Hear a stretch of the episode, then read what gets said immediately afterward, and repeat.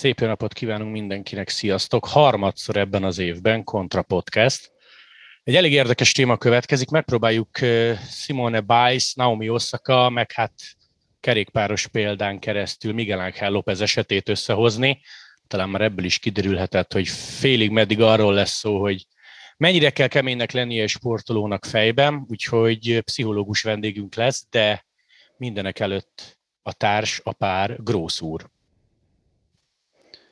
Most, ha ma azt mondtad volna, hogy élettárs, akkor Bogdár Karszony szerintem eléggé kellemetlen kutatásokat kezdett volna elindítani te irányodban.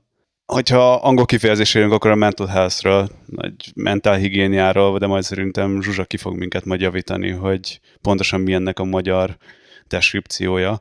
Arról akarunk beszélni egész egyszerűen, hogy mennyi pszichés teher nehezedik a sportolókra, és ezzel hogyan lehet megbirkózni, illetve ez hogyan fokozódott az utóbbi években. De most megint ahelyett, hogy szövevényes bevezetőt tartanék, inkább átadom, hogy mutatkozzál be, Zsuzsa. Sziasztok! Köszönöm a meghívást. Én 2004-ben végeztem, azóta dolgozom pszichológusként, dolgoztam iskolában, utána nagyon sokáig a sotén tanítottam a Pázmányon, és emellett folyamatosan egyéniben. Szóval én, én egyetem alatt magamtól kezdtem el, illetve nem is középiskola alatt, mert a, a középiskolai tesi óra az nagyon nem, nem tetszett, meg nem az én világom volt, úgyhogy inkább elkezdtem aerobikokra járni, és ott azt, azt nagyon megszerettem.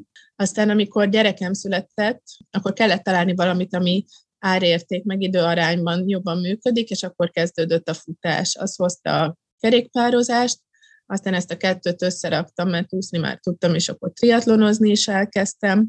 Aztán egy idő után rájöttem, hogy nem, nem vagyok futóalkat, nem szeretem úgy, hogy inkább elkezdtem crossfitezni, és akkor most a crossfit meg a futás váltakozó gyakorisággal, de hogy közben elkezdtem írni a doktorimat, és ott, ott azért már nagyjából adódott, hogy akkor én a sporttal szeretnék foglalkozni, illetve az egyetemen a droghasználattal foglalkoztam, és abból írtam a, a szakdolgozatomat, és itt ez a szenvedélybetegségek vonalán ez a kettő összekötődött, úgyhogy a testedzés függőség volt az én doktori témám, ami, ami nyilván az élsportban is megjelenik, bár ott, ott sokszor inkább munkafüggőségként értékelhetjük ezt a dolgot. Hasonlóan, mint a, például az anorexia esetében, amikor a sportolóknál megjelenő anorexiátnál mindig meg szoktuk nézni, hogy ez fennáll-e például a sportkarrier befejezése után is tehát hogy más, más szempontok szerint nézzük ezt a, ezt a problémakört.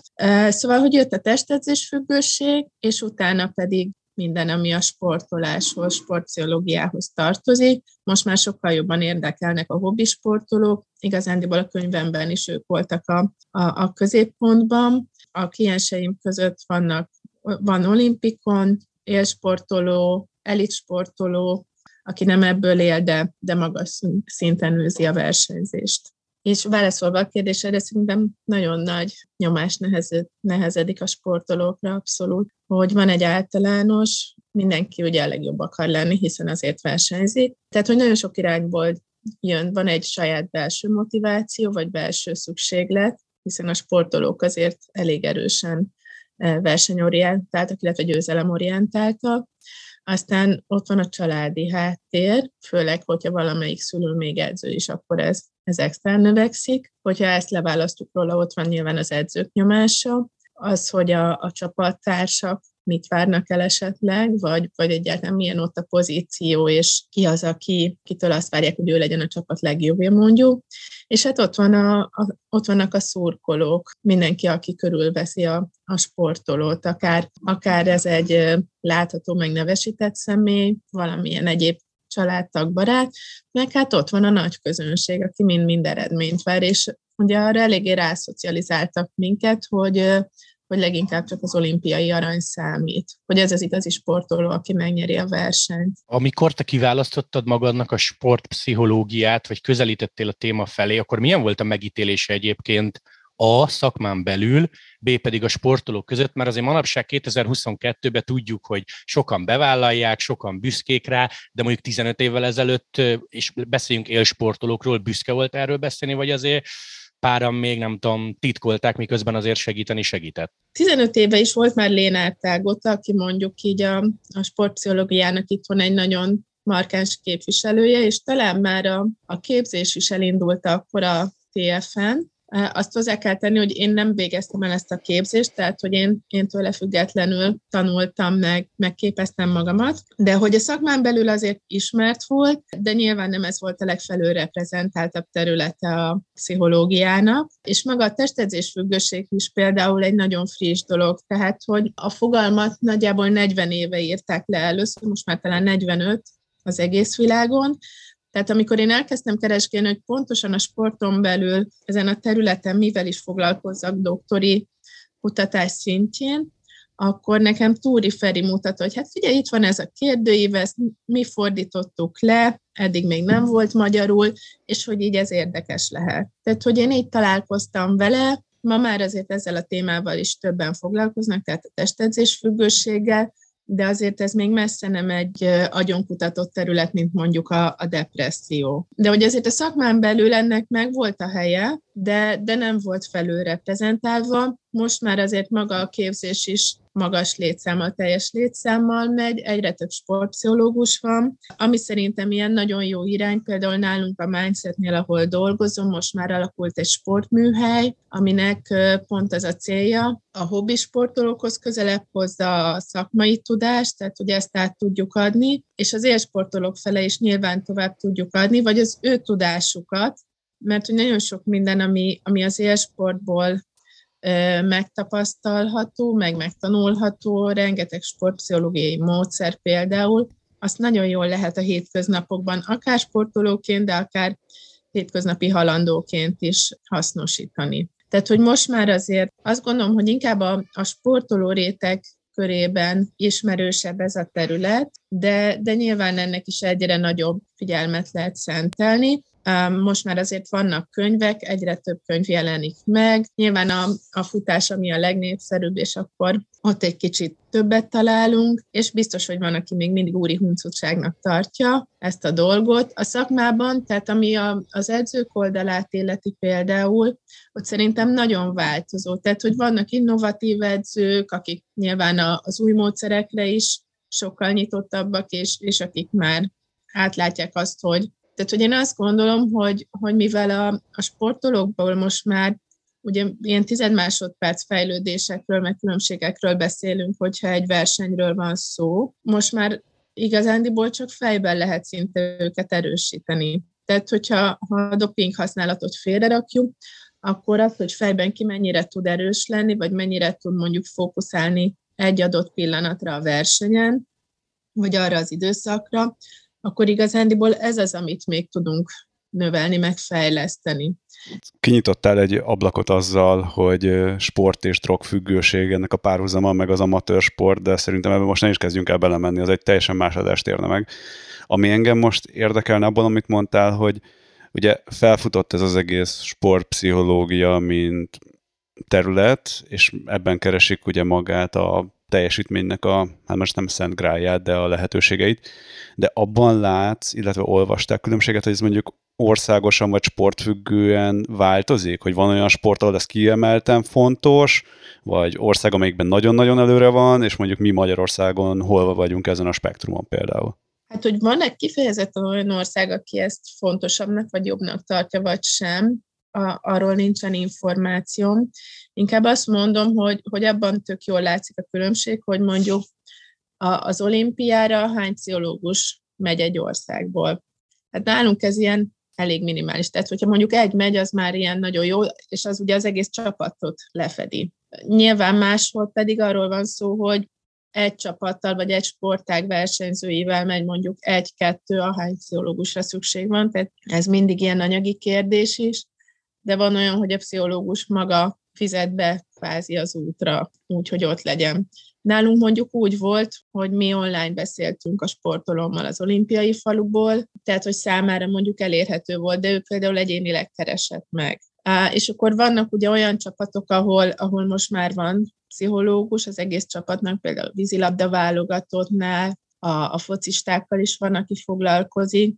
Ugye mindig azok a, a sportágak kapnak nagyobb anyagi támogatást ezen a téren is, akik jobban hozzák az eredményeket. Tehát, hogy most itt gondolok az úszósportokra, elsősorban talán ugye a kajakos, hajós irányokra, tehát, hogy mindig ott vannak azért nagyobb eséllyel pszichológusok, de, de kerestek már meg focisták is, ők is egyénileg kerestek meg általában. De ez érdekes amúgy, hogy például a focisták ők mind, mindig kiestek. Nem tudom, hogy, hogy másnak mi a tapasztalata ebben, más kollégának, de hogy valahogy ők lemorsolódnak. De, de ez lehet, hogy a korukból, életkorukból is fakad, számtalan tényezőtől függ. Nálam, akik most ilyen elég fixen megmaradnak, ők az úszók, van, aki kerékpáros, futók, tehát inkább ez a terület akadályfutó, úgyhogy inkább ők nálam legalábbis, de ezt lehet, hogy azért is van, mert, mert ugye én is futok, és van egy ilyen, tehát sokszor van egy ilyen plusz kapcsolat, ami nagyon fontos amúgy, hogy hogy a sportoló érezze, hogy, hogy értem, hogy miről beszél, hogy tudom, hogy mit él és ez persze nyilván nem előírás, nem csak ettől lesz jó egy pszichológus, de, de jó érzés számukra is, hogy egy nyelvet tudunk beszélni. Ha megint egy picit így kitágítjuk a spektrumot, akkor ha összehasonlítod a mostani helyzetet a 15 évvel ezelőttivel, akkor sokkal durvább és sokkal nagyobb a nyomás, ami egy ilyen sportolóra érkezik, illetve erre csak az a magyarázat, hogyha nagyobb, hogy megjelent a közösségi média, és én mondjuk egy perccel a befutóm után kezembe veszem a telefonomat, és elolvashatom a hozzászólásokat, hogy ki mit gondol rólam. Szóval emiatt mondjuk nőtt, vagy csak emiatt nőtt, ha nőtt? Én azt gondolom, hogy ami miatt nőhetett a nyomás, az az, hogy most már nagyon nehéz fejlődni. Tehát, hogy én úgy látom, hogy, hogy világcsúcsot javítani például már nagyon-nagyon nehéz. Tehát, hogy, hogy ilyen nüanszokon múlik, azon, hogy kinek van esetleg szerencséje, ki az, aki egy jobb pályát kap, vagy egy jobb, mondjuk úszóknál kikkel úszik együtt, mert nem mindegy, hogy kit kell leúsznia éppen az előfutamban mondjuk, hogy milyen napja van, hogy mit tudom én, hogyha mind a ketten kaptak otthonról egy rossz írt, akkor ezt melyikük kezeli jobban fejben például. Tehát, hogy, hogy ki tud jobban mondjuk fókuszálni, mert szinte le, hogy most már két sportoló között alig van, van különbség. És nagyon nehéz megmondani, hogy, hogy hogyan lehet még tovább fejlődni. Tehát, hogy szerintem ez, a, ez az igazi nyomás, hogy, hogy nagyon sokan vagyunk, akár onnan nézve, hogy, hogy rengeteg ember él a Földön, tehát hogy nagyon könnyű kinevelni nagyon erős sportolókat, hogy szinte lehetetlen legyőzni egymást, vagy egy kicsit is jobbnak lenni. Tehát, hogy ezek ilyen nagyon-nagyon apró különbségek, apró dolgokon csúszhatnak meg. Ténylegesen nagyobb lett ezáltal a nyomás a sportolókon, mint mondjuk 94-90-ben, vagy egyébként csak intenzívebben éljük meg, vagy a közvélemény, a média nagyobb nyomást helyez ezáltal, mert hogy kisebb eredményeket lehet elérni, kisebb ugrásokat, mint régebben, és nehezebben jönnek ezek a világcsúcsok, mint régebben. Igazából én pont erre gondoltam, hogy valószínűleg nem nagyobb a nyomás, hiszen mindenki abba szoci- ebbe a szituációba szocializálódik. Mindenki a saját helyzetét éli meg a legnehezebbnek valószínűleg.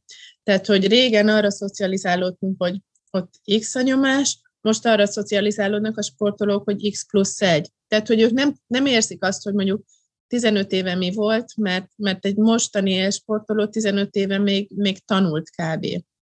Tanulta a sportot, vagy szóval nagyon fiatal volt. Nyilván, ami nehéz, az valóban az, hogy, hogy a közösségi média, tehát régen nem ért talán ennyire vissza a sportolókhoz az emberek véleménye. Az, hogy, hogy mindenkit kikezdenek, és hogy hogyha valamit rosszul csinál, akkor ő a, a, a legutolsó értéktelen ember, hogyha pedig jól csinálja, akkor meg óriási piedesztára emelik, és hogy a kettő között a különbséget megélni, ezt az óriási nagy gettet, az viszont borzasztóan nehéz lehetett, hogy, hogy ez egy ilyen teljesen ilyen, ilyen kb. ilyen borderline érzés lehet, hogy ma nagyon jó vagyok neked, ma meg nagyon rossz.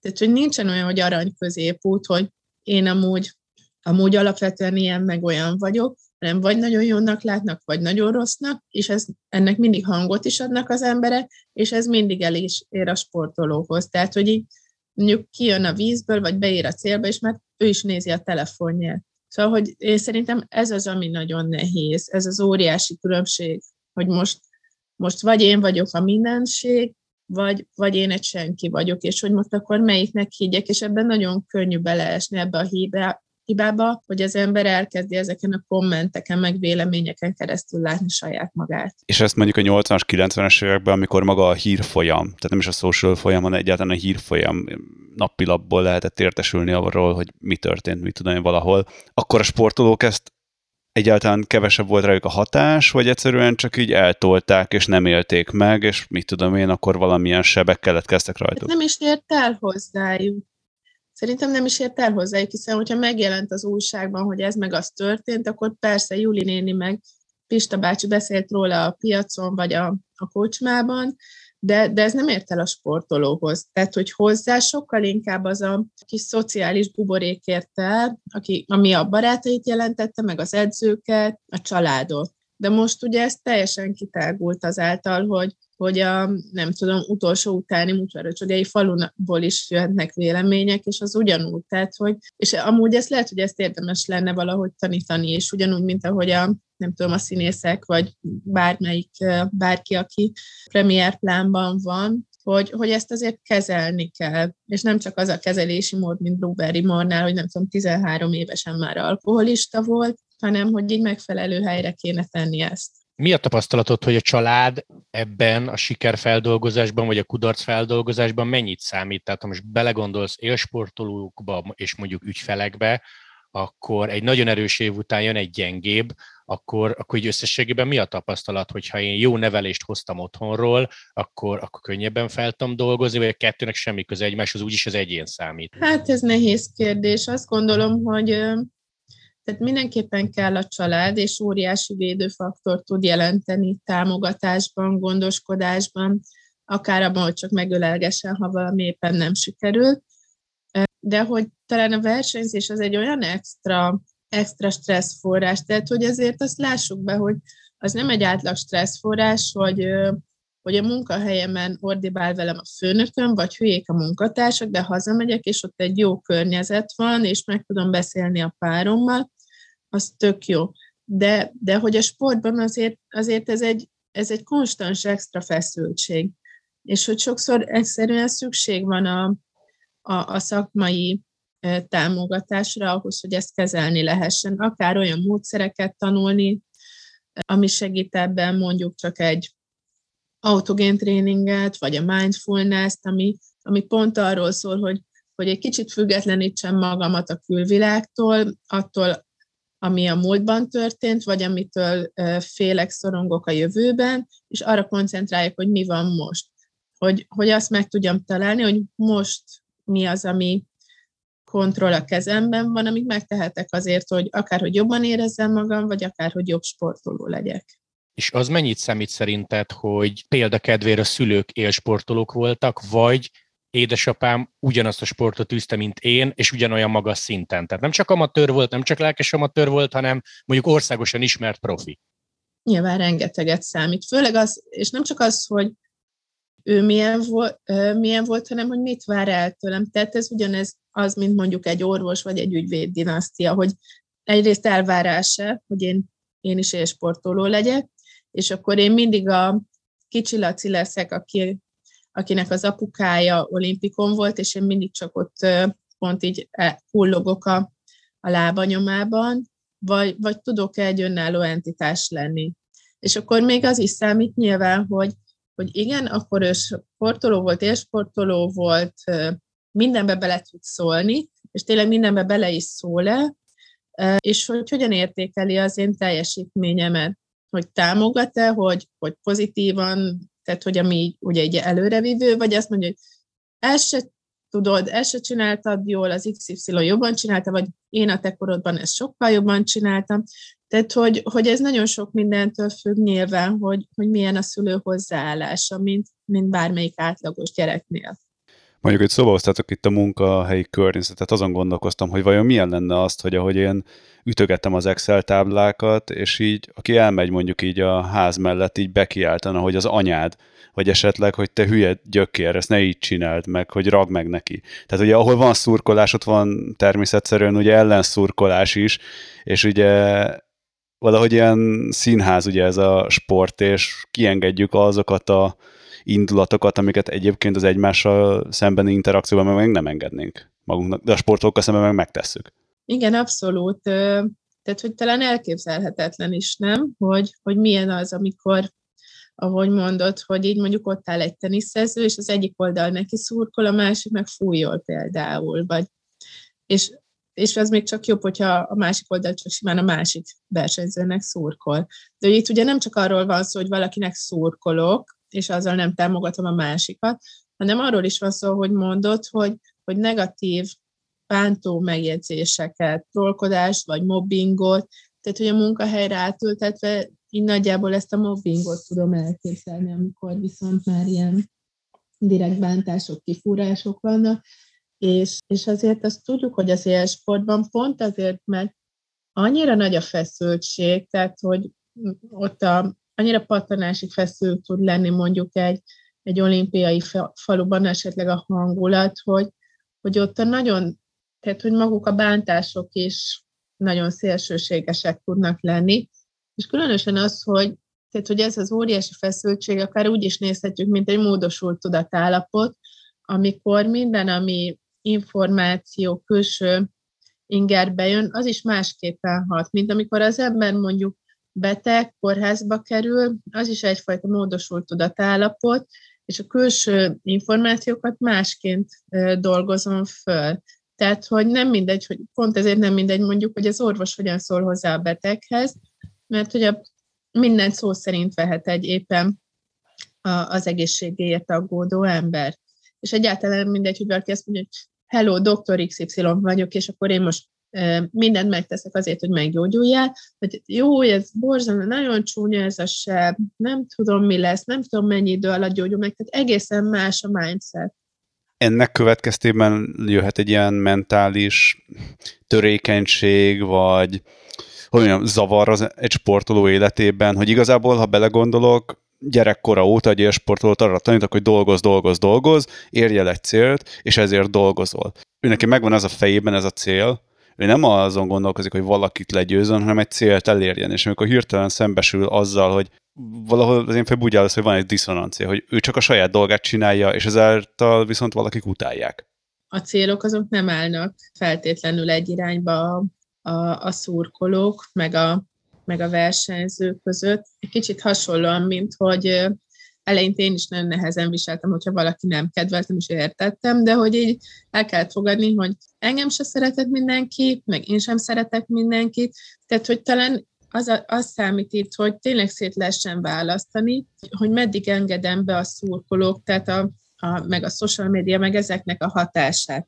Hogy helyre tudom rakni mondjuk azt, hogy, hogy miért is csinálom ezt az egészet. És ebben például a versenyen a, ugye a megfelelő célállítás, meg a, a fókuszálás, a, és annak a különböző technikái azért sokat tudnak segíteni, hogy akár egy olyan imaginált képpel, hogy most itt van egy üvegbúra körülöttem, és azon nem jön be senki, vagy használják a, a, az elemlámpa technikát, ami meg azt jelenti, hogy elképzelem, és ez nyilván a sportoló a, a, a felkészülés alatt rengeteget gyakorolja, hogy, hogy akkor most csak az van, ami itt a fénysugáron belül van, és ami azon kívül van, az most nem létezik, és akkor csak arra koncentrálni, kizárni a hangokat, az ajukat, a mindenféle külső ingereket. Tehát, hogy erre megvannak nyilván a technikák, amik rengeteget tudnak segíteni, és akkor talán az a kérdés, hogy mondjuk mi az, ami még bekúszhat a sportolónak a, az agyába, ami, ami ezt megtörheti, hogy tudja függetlenni tenni magát mondjuk a családi drámáktól, vagy, vagy akár a csapatban éppen aktuálisan zajló drámáktól, mert nyilván a csapattagok is emberek, akik ugyanúgy élik az életüket, és megvannak a mindennapi kis drámáik, mint mindenkinek. Maradjatok velünk, mert egy rövid reklám után folytatjuk a beszélgetésünket. Ti is úgy szoktatok neki indulni minden januárnak, hogy most, most aztán biztosan jobban fogok vigyázni magamra és az egészségemre? Csak azért, hogy aztán azon kap magadat január második hetében, hogy Netflixezés közben nasolgatod az ünnepekről megmaradt Mikulásokat? Ne engedd el a fogadalmaid. Jövő év lesz újra, de egészséget csak egy van. A Decathlon bátorít abba, hogy az elszántság legyen a te szupererőd, mert most van itt a majd jövőre. Menjünk rá egy picit a konkrétumokra, nyilvánvalóan név nélküli példákat szeretnénk kérni, hogyha lehet.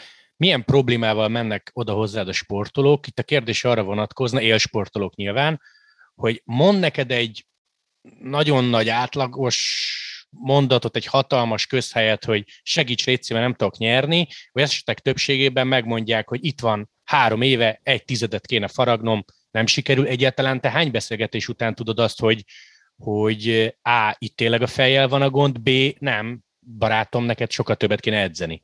Szóval ez nagyon nehéz, ez egy folyamat, hogy kiderüljön, mert tényleg volt olyan sportoló, akinél egyszerűen arról volt szó, hogy akármennyire is szeretné azt a győzelmet, és akárhány technikát végignézünk, meg helyre rakjuk fejben, meg lélekben a dolgokat, egyszerűen nincs meg az a tehetsége, ami, ami ahhoz kell, hogy első legyen. De hogy így ezt mondjuk nem az én feladatom kimondani, én attól függetlenül segítek neki, hogy amit ott lehet, azt mindent beletegyünk az ő, az ő sikerébe, de, de van ilyen, hogy egyszerűen valaki nem, nem olyan tehetséges, hogy világklassz is legyen belőle. De amikkel meg szoktak keresni, az nyilván ez az út, hogy, hogy a teljesítmény javuljon, de hogy itt általában nem, a, nem arra kell, szoktunk fókuszálni, hogy na akkor ezt az XY versenyt megnyerni, hanem hogy mi az, mik azok a mutatók, amik, amik jelzik azt, hogy az ő teljesítménye fejlődött, ami ahhoz vezet, hogy nyilván, hogy azt a versenyt megnyerje. Akkor nagyon sok volt például olyan, aki, aki annyira szorongott verseny előtt, ő egy kerékpáros volt, hogy még a, ebből a beálló részből is ki kellett szaladnia pisilni például. Tehát ugye ez is egyfajta szorongást jelez. De hogy nála azért nagyon sok a családi háttérben lévő nehézség volt, amivel utána sokat foglalkozunk. Általában nem a egy konkrét tünetre szoktunk fókuszálni, tehát, hogy nem azt próbáljuk, hogy na, akkor most ezt az egy tünetet megoldjuk, hanem ebből kibontjuk amúgy az egész személyiséget, működést, kapcsolati mintázatot, és ezeknek az együttes kezelés és egyensúlyba hozása az, ami amúgy általában elvezet a megoldáshoz. Volt olyan, aki ilyen nagyon általánosabb problémákkal jött kerékpáros, aztán kiderült, hogy hogy ennek vannak pszichés hátterei, nehézségek, amiket gyógyszerrel lehetett aztán kezelni, és sokszor a gyógyszer, gyógyszeres kezelés a tanácsadási folyamattal együtt tud egy ilyen kerek egészé válni. Aztán van olyan sportoló, aki azért jött, mert állandóan lesérült, és akkor azt kell megtalálni, hogy vajon miért sérül le. Elég sok a táplálkozás, evészavar, testképzavar, ami azért nagyon jelen van a sportolók körében. Van, aki, aki konkrétan egy versenyre készül most, és, és abban kell őt segíteni, hogy ne negatívan, nem pozitívan próbáljon hozzáállni a helyzethez, hogyha valami nem sikerül neki, akkor abból fel tudjon állni, és, és hogy jobban tudja a fókuszt tartani. Tudom, hogy egyénfüggő, de mennyi idő kell neked úgy nagyjából, hogy rágyere arra, hogy vele igenis baj van, vele semmi baj nincs, csak a csapattársakkal vagy a csapattársak jelentik inkább a problémát, illetve ha te rájössz magadban arra, hogy itt lehet, hogy az a probléma, hogy neked nem ezt a sportágat kéne választani, vagy egész egyszer nem vagy olyan tehetséges, mint a többiek, akkor ezt megmondod a végén, vagy nem illik, nem szép? Nekem egy ilyen eset volt, ahol, ahol ez felmerült, hogy valószínűleg egyszerűen nem, nem olyan tehetségesek, hogy sikerüljön, de ezt nem nekem kellett mondanom. Tehát, hogy mivel mi mindent megcsináltunk, amit amit a pszichológia eszközeivel lehet, és amúgy így is sokat fejlődtek. Éppen ezért végül is ez egy saját belátás volt szerencsére. Szóval valóban nyilván kellemetlen lenne, meg, meg talán nem is az én tisztem, hiszen a, én nem sportszakember vagyok, tehát hogy az azt mondom, hogy inkább az edző, edző feladata, hogy ezt megmondja.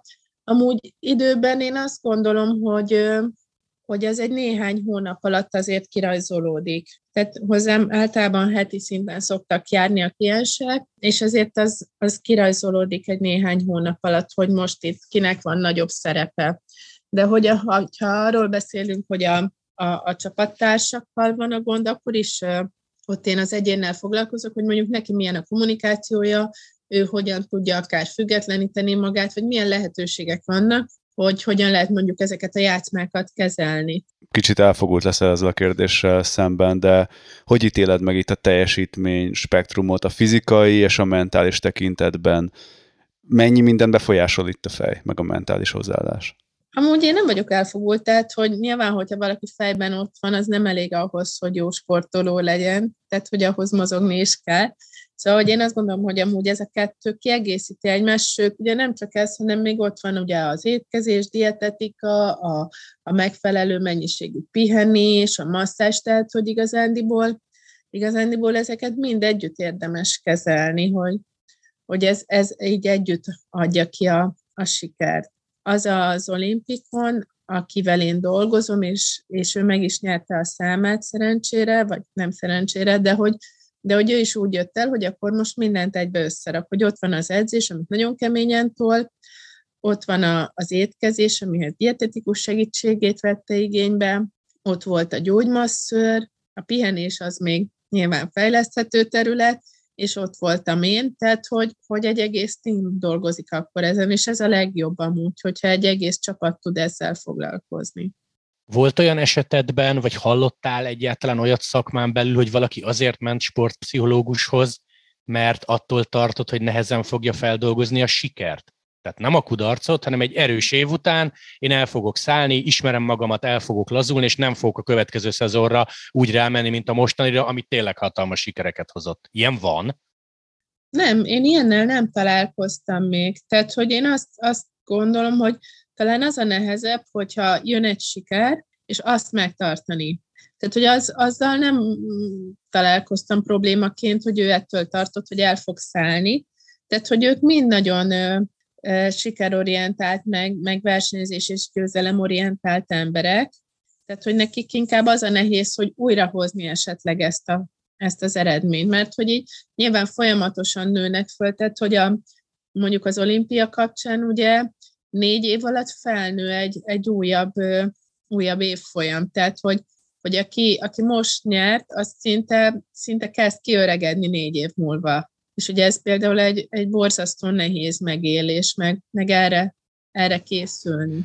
Itt a sikerorientációban, nem tudom, hogy te a Last Dance-et, a Michael Jordan dokumentumfilmet láttad-e, de hogy ugye abban felvetődött az a kérdés, ugye a sokadik rész végén, nem tudom, Gergő, hogy voltál vele, hogy amúgy az a célorientáltság, az a már ilyen gyilkos jellegű megszállottság a sikerért, az amúgy ma egy sportolóban egyáltalán felmerülhet-e? Lehet-e ilyen mindsettel egyáltalán valaki profi sportoló, vagy egyébként aki 90-es években mondjuk tényleg a top-top-top volt, az ma lehet, hogy nem kerülhetne érre, mert szétszedni egyébként a média, a közvélemény, meg mindenki, és ezáltal lenne rajta egy olyan mentális teher, amivel nem tudna oda kerülni. Ez nagyon jó, hogy mondtad, mert én szerettem volna szóba hozni a közösségi médiát, és ugye akkoriban még az internet is gyerekcipőbe járt, Jordanék vége fele. Talán akkor jelentek meg az NBA meccseken a NBA.com hirdetések, és nem olyan tudtuk, hogy mi az, amikor Jordan 98 környékén ugye másodjára visszavonult. Biztos, hogy más lenne a megítélése ezer százalék, hogy más lenne a megítélése, azért benne volt egy olyan személyiség. Könyveket például írtak róla, aztán vagy elolvastad a könyvet, vagy elhitted a könyvet, de amikor Jordan esetében ma reggel, mert hajnalban meccset játszott, és ezt mondta XY-nak fel tudsz menni, és 17 darab cikk születik róla, és ott 3500 komment, biztos, hogy más megvilágításba került volna. Hát én azt hiszem, hogy szerintem simán van ilyen. Tehát, hogy mondjuk, ha megnézzük a hosszúkat, inkább talán ő az, aki akinek egy kicsit ilyen a mentalitása, hogy így keresztül bárkin, és hogy nyilván ezért kap hideget, meleget, és most, hogy nem hozta az eredményt, most extrán kapott hideget, meleget, de azért, amikor hozta az eredményt, akkor ezt elnéztük neki. Tehát, hogy azért szerintem így, így nem kell naívnak lenni a sportban, mert ott mindenki győzni akar, és mindenki eltapos mindenkit. Tehát, hogy az élsportban azért ez megy. Az előbb érintettük a közösségi médiát, e, szerintem erre egy picit részletesebben is rámehetnénk. Mi a tapasztalat nálad? Mindenki olvas kommenteket, nagyon rossz kommenteket olvasni, valakinél pont ez a probléma, illetve mennyire igaz az a mondás, hogy van tíz hozzászólás, abból kilenc jó, egy rossz, és tuti, hogy az marad meg. Abszolút tuti, hogy az marad meg, tehát mindenki arra fókuszál. Amúgy szerintem ez hullámzó, tehát hogy a sportolók is úgy vannak vele, hogy elolvasnak X kommentet, és egy darabig lehet ezt kezelni. De hogy van egy pont, amikor nyilván az ember besokal, vagy annyira mondjuk az elevenébe talál egy bizonyos kommentet, hogy így megtriggereli őt az a gondolat, és lehet, hogy pont azért, mert lehet, hogy ő is ezt gondolja, csak kimondani sem merte, és akkor, akkor ott, ott elvágja ezt. Tehát amikor, amikor azt kezdik érezni, hogy ez, ez már bántó, és, és amikor, amikor az ember így felismeri, hogy, hogy újra meg újra felesleges körökbe ment bele mondjuk egy, egy kommentháborúba, akkor egy idő után talán tud ebből tanulni, és akkor függetleníti magát ettől. De, de hogy én azt gondolom, hogy ez ilyen hullámzó körökben működik ez a dolog, hogy így újra meg újra belefut az ember, aztán belefárad, besokal vele, akkor félrerakja, tehát hogy, hogy szerintem ez így működik általában. Nem mondj nevet, Max Sportága, te találkoztál olyannal, akinél pont ez volt a probléma, hogy annyit kellett mondani, hogy nem, nem kapcsolod be a telefonodat, vagy nem mész fel Facebookra a versenyed után, sőt, ezen a héten sem mész fel, és kb. minden megoldódott? Ennyire nagyon nem volt számukra probléma, inkább úgy mondom. Tehát, hogy, hogy a, volt, aki, aki tudatosan egyszerűen félrerakta a telefonját, de sokkal jobban számít a verseny előtt. Tehát a verseny előtti pszichés állapothoz szerintem sokkal fontosabb, hogy, hogy ezektől a kommentektől függetlenítse magát, mint utána. Tehát utána már van idő, meg lehet vele mit kezdeni, előtte nem. Tehát előtte viszont sokkal jobban meg tudja zavarni a teljesítményt, meg a, a, a koncentrációt. Mondjuk a cinikus lennék, akkor azt mondanám, hogy a verseny után az a verseny előtt van, tehát hogy igazából mindig egy verseny előtt állunk. Igen, csak több idő van a kármentésre. Amúgy kikerülhetetlen kérdés, hogy te hogy látod egyébként a COVID hatását a mentális egészségére a sportolóknak, vagy úgy unblock az embereknek? Igazából sokféle helyzetet hozott. Nyilván, aki olimpikon, neki sokkal nehezebb volt, hogy, hogy ugye egy elmaradt, most, tehát hogy felborult ez a rendszer, és hogy ugye ami igazán megnehezítette számukra, az ugye az, hogy, hogy az ő munkájuk, a az életritmusuk az úgy néz ki, hogy elmegyek, edzek, vannak versenyek, ahol megmutat, kiadhatom magamból azt a, azt a kemény időszakot, ami, ami a hátam mögött van, amiért én dolgoztam, mert hogy az a, az a beteljesülése tulajdonképpen, mint ahogy nem tudom, egy multicégnél egy, nem tudom, több hónapos munkának a projekt megvalósulása, a kiteljesedése a munkának. Aztán volt olyan sportoló, akinek pont azt jelentette, hogy most egy kicsit felélegezhet, egy kicsit pihenhet, és hozzám például kifejezetten sokan jöttek, amikor elkezdődött ez a lezárásos időszak, hogy jó, most van időm magammal foglalkozni, a sérüléseimmel, most akkor elmegyek, és akkor van idő arra, hogy egy kicsit így lelkileg is felszívjam magam, meg rendbe rakjam a problémáimat. Tehát, hogy nagyon sokaknak egyfajta lehetőséget is adott, akár a pihenésre, meg akár a, a, a változásra, vagy a fejlődésre. Egy ilyen beszélgetést veled meg lehet csinálni egyébként Zoom meetingen keresztül? Tehát számít az, hogy te lásd a reakciómat, vagy ott legyek személyesen? Hát most a, pont a Covid alatt azért ebben sokkal rugalmasabbak lettünk, tehát hogy abszolút működik meg, már csak azért is, mert vannak külföldről is klienseim, tehát velük meg egyértelműen online mennek a, a beszélgetések, Nyilván én, én jobban szeretek offline dolgozni, és amik, ameddig csak lehet, addig offline dolgozunk, és olyan is van, hogy, ahogy mondom, hogy mondjuk ott van a versenyen a, a, a kliens, akkor, akkor tök jó most már, hogy van ez a lehetőség, hogyha én nem is vagyok ott fizikailag, de, de mégis tudunk beszélni, és ez, ez azért elég sokat hozzá tud tenni a, a, a teljesítményéhez, vagy a, akár csak a lelki nyugalmához és így egy folyamat során maga az ilyen támogatási háló, tehát legyen párkapcsolatról, vagy edzőről szó, őket te bekapcsolod, vagy ez ilyen teljesen opcionális, ahogy éppen a sportoló gondolja? Többféleképpen szokott működni. Volt olyan, amikor az edző is eljött, főleg, hogyha akár volt valami kis konfliktus is esetleg az edző és a sportolók között. A párkapcsolatnál azt szoktuk, hogy ott inkább párkapcsolati problémák vannak, és akkor én tovább küldöm mondjuk párterápiára, tehát hogy én a saját kliensemet nem, nem kezelhetem párterápiában, mert hogy ott ugye így etikailag nem igazán férne össze a dolog, akkor kollégák foglalkoznak vele, amúgy párterápiát én is szoktam tartani kollégával, de akkor ő nem az én saját kliensem. Tehát, hogy, hogy akkor megint egy ilyen kvázi témben együtt dolgozunk. Tehát, hogy, hogy ez is működhet, igazándiból, hogyha bármilyen relevanciája van, akkor bárkit be lehet hívni így a, a közös munkára. De hogy alapvetően az én fókuszom, az mindig az én sportoló kliensemen vagy kliensemen van. Ha már mondtad a családot, az, hogy például valaki apuka lesz, az mennyit számít? Mert szokták mondani ilyen közhelyesen mondjuk kerékpárba, hogy óvatosabban veszi a kanyart, egy-két tizedet benne hagy, Forma egyes példák is szoktak lenni. Gondolom megint csak azt fogod mondani, hogy egyén függő, de ha mondjuk tíz apukából kéne mondanod egy számot, visszavet, vagy inkább ad egy, ad egy plusz motivációt, hogy, hogy, a, hogy a, ezt a fiamért kell megcsinálni, tehát hogy felhoz azért az, hogyha te apuka leszel.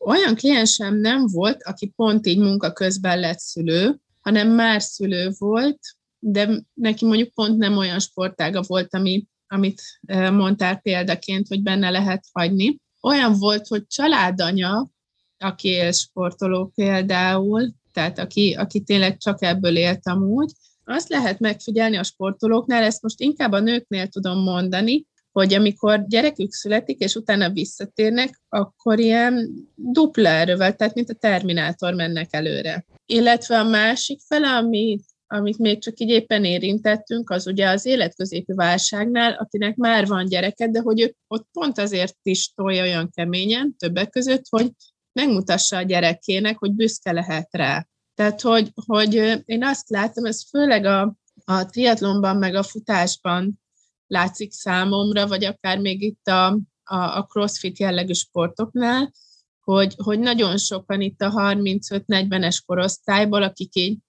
kvázi újonnan beszállók, ők, ők ilyen hihetetlen teljesítményekre képesek. Tehát, hogy rövid idő alatt óriási felfutással, és hogy nyilván ez szól arról, hogy megmutatni, hogy még én is potens vagyok, meg képes vagyok rá, de arról is szól, hogy, hogy példát tenni a gyerek elé, hogy nézd, én is sportolok, én is csinálom, ilyen keményen tudom csinálni, hogy, hogy példaképként lehessen ott a, a gyerek előtt.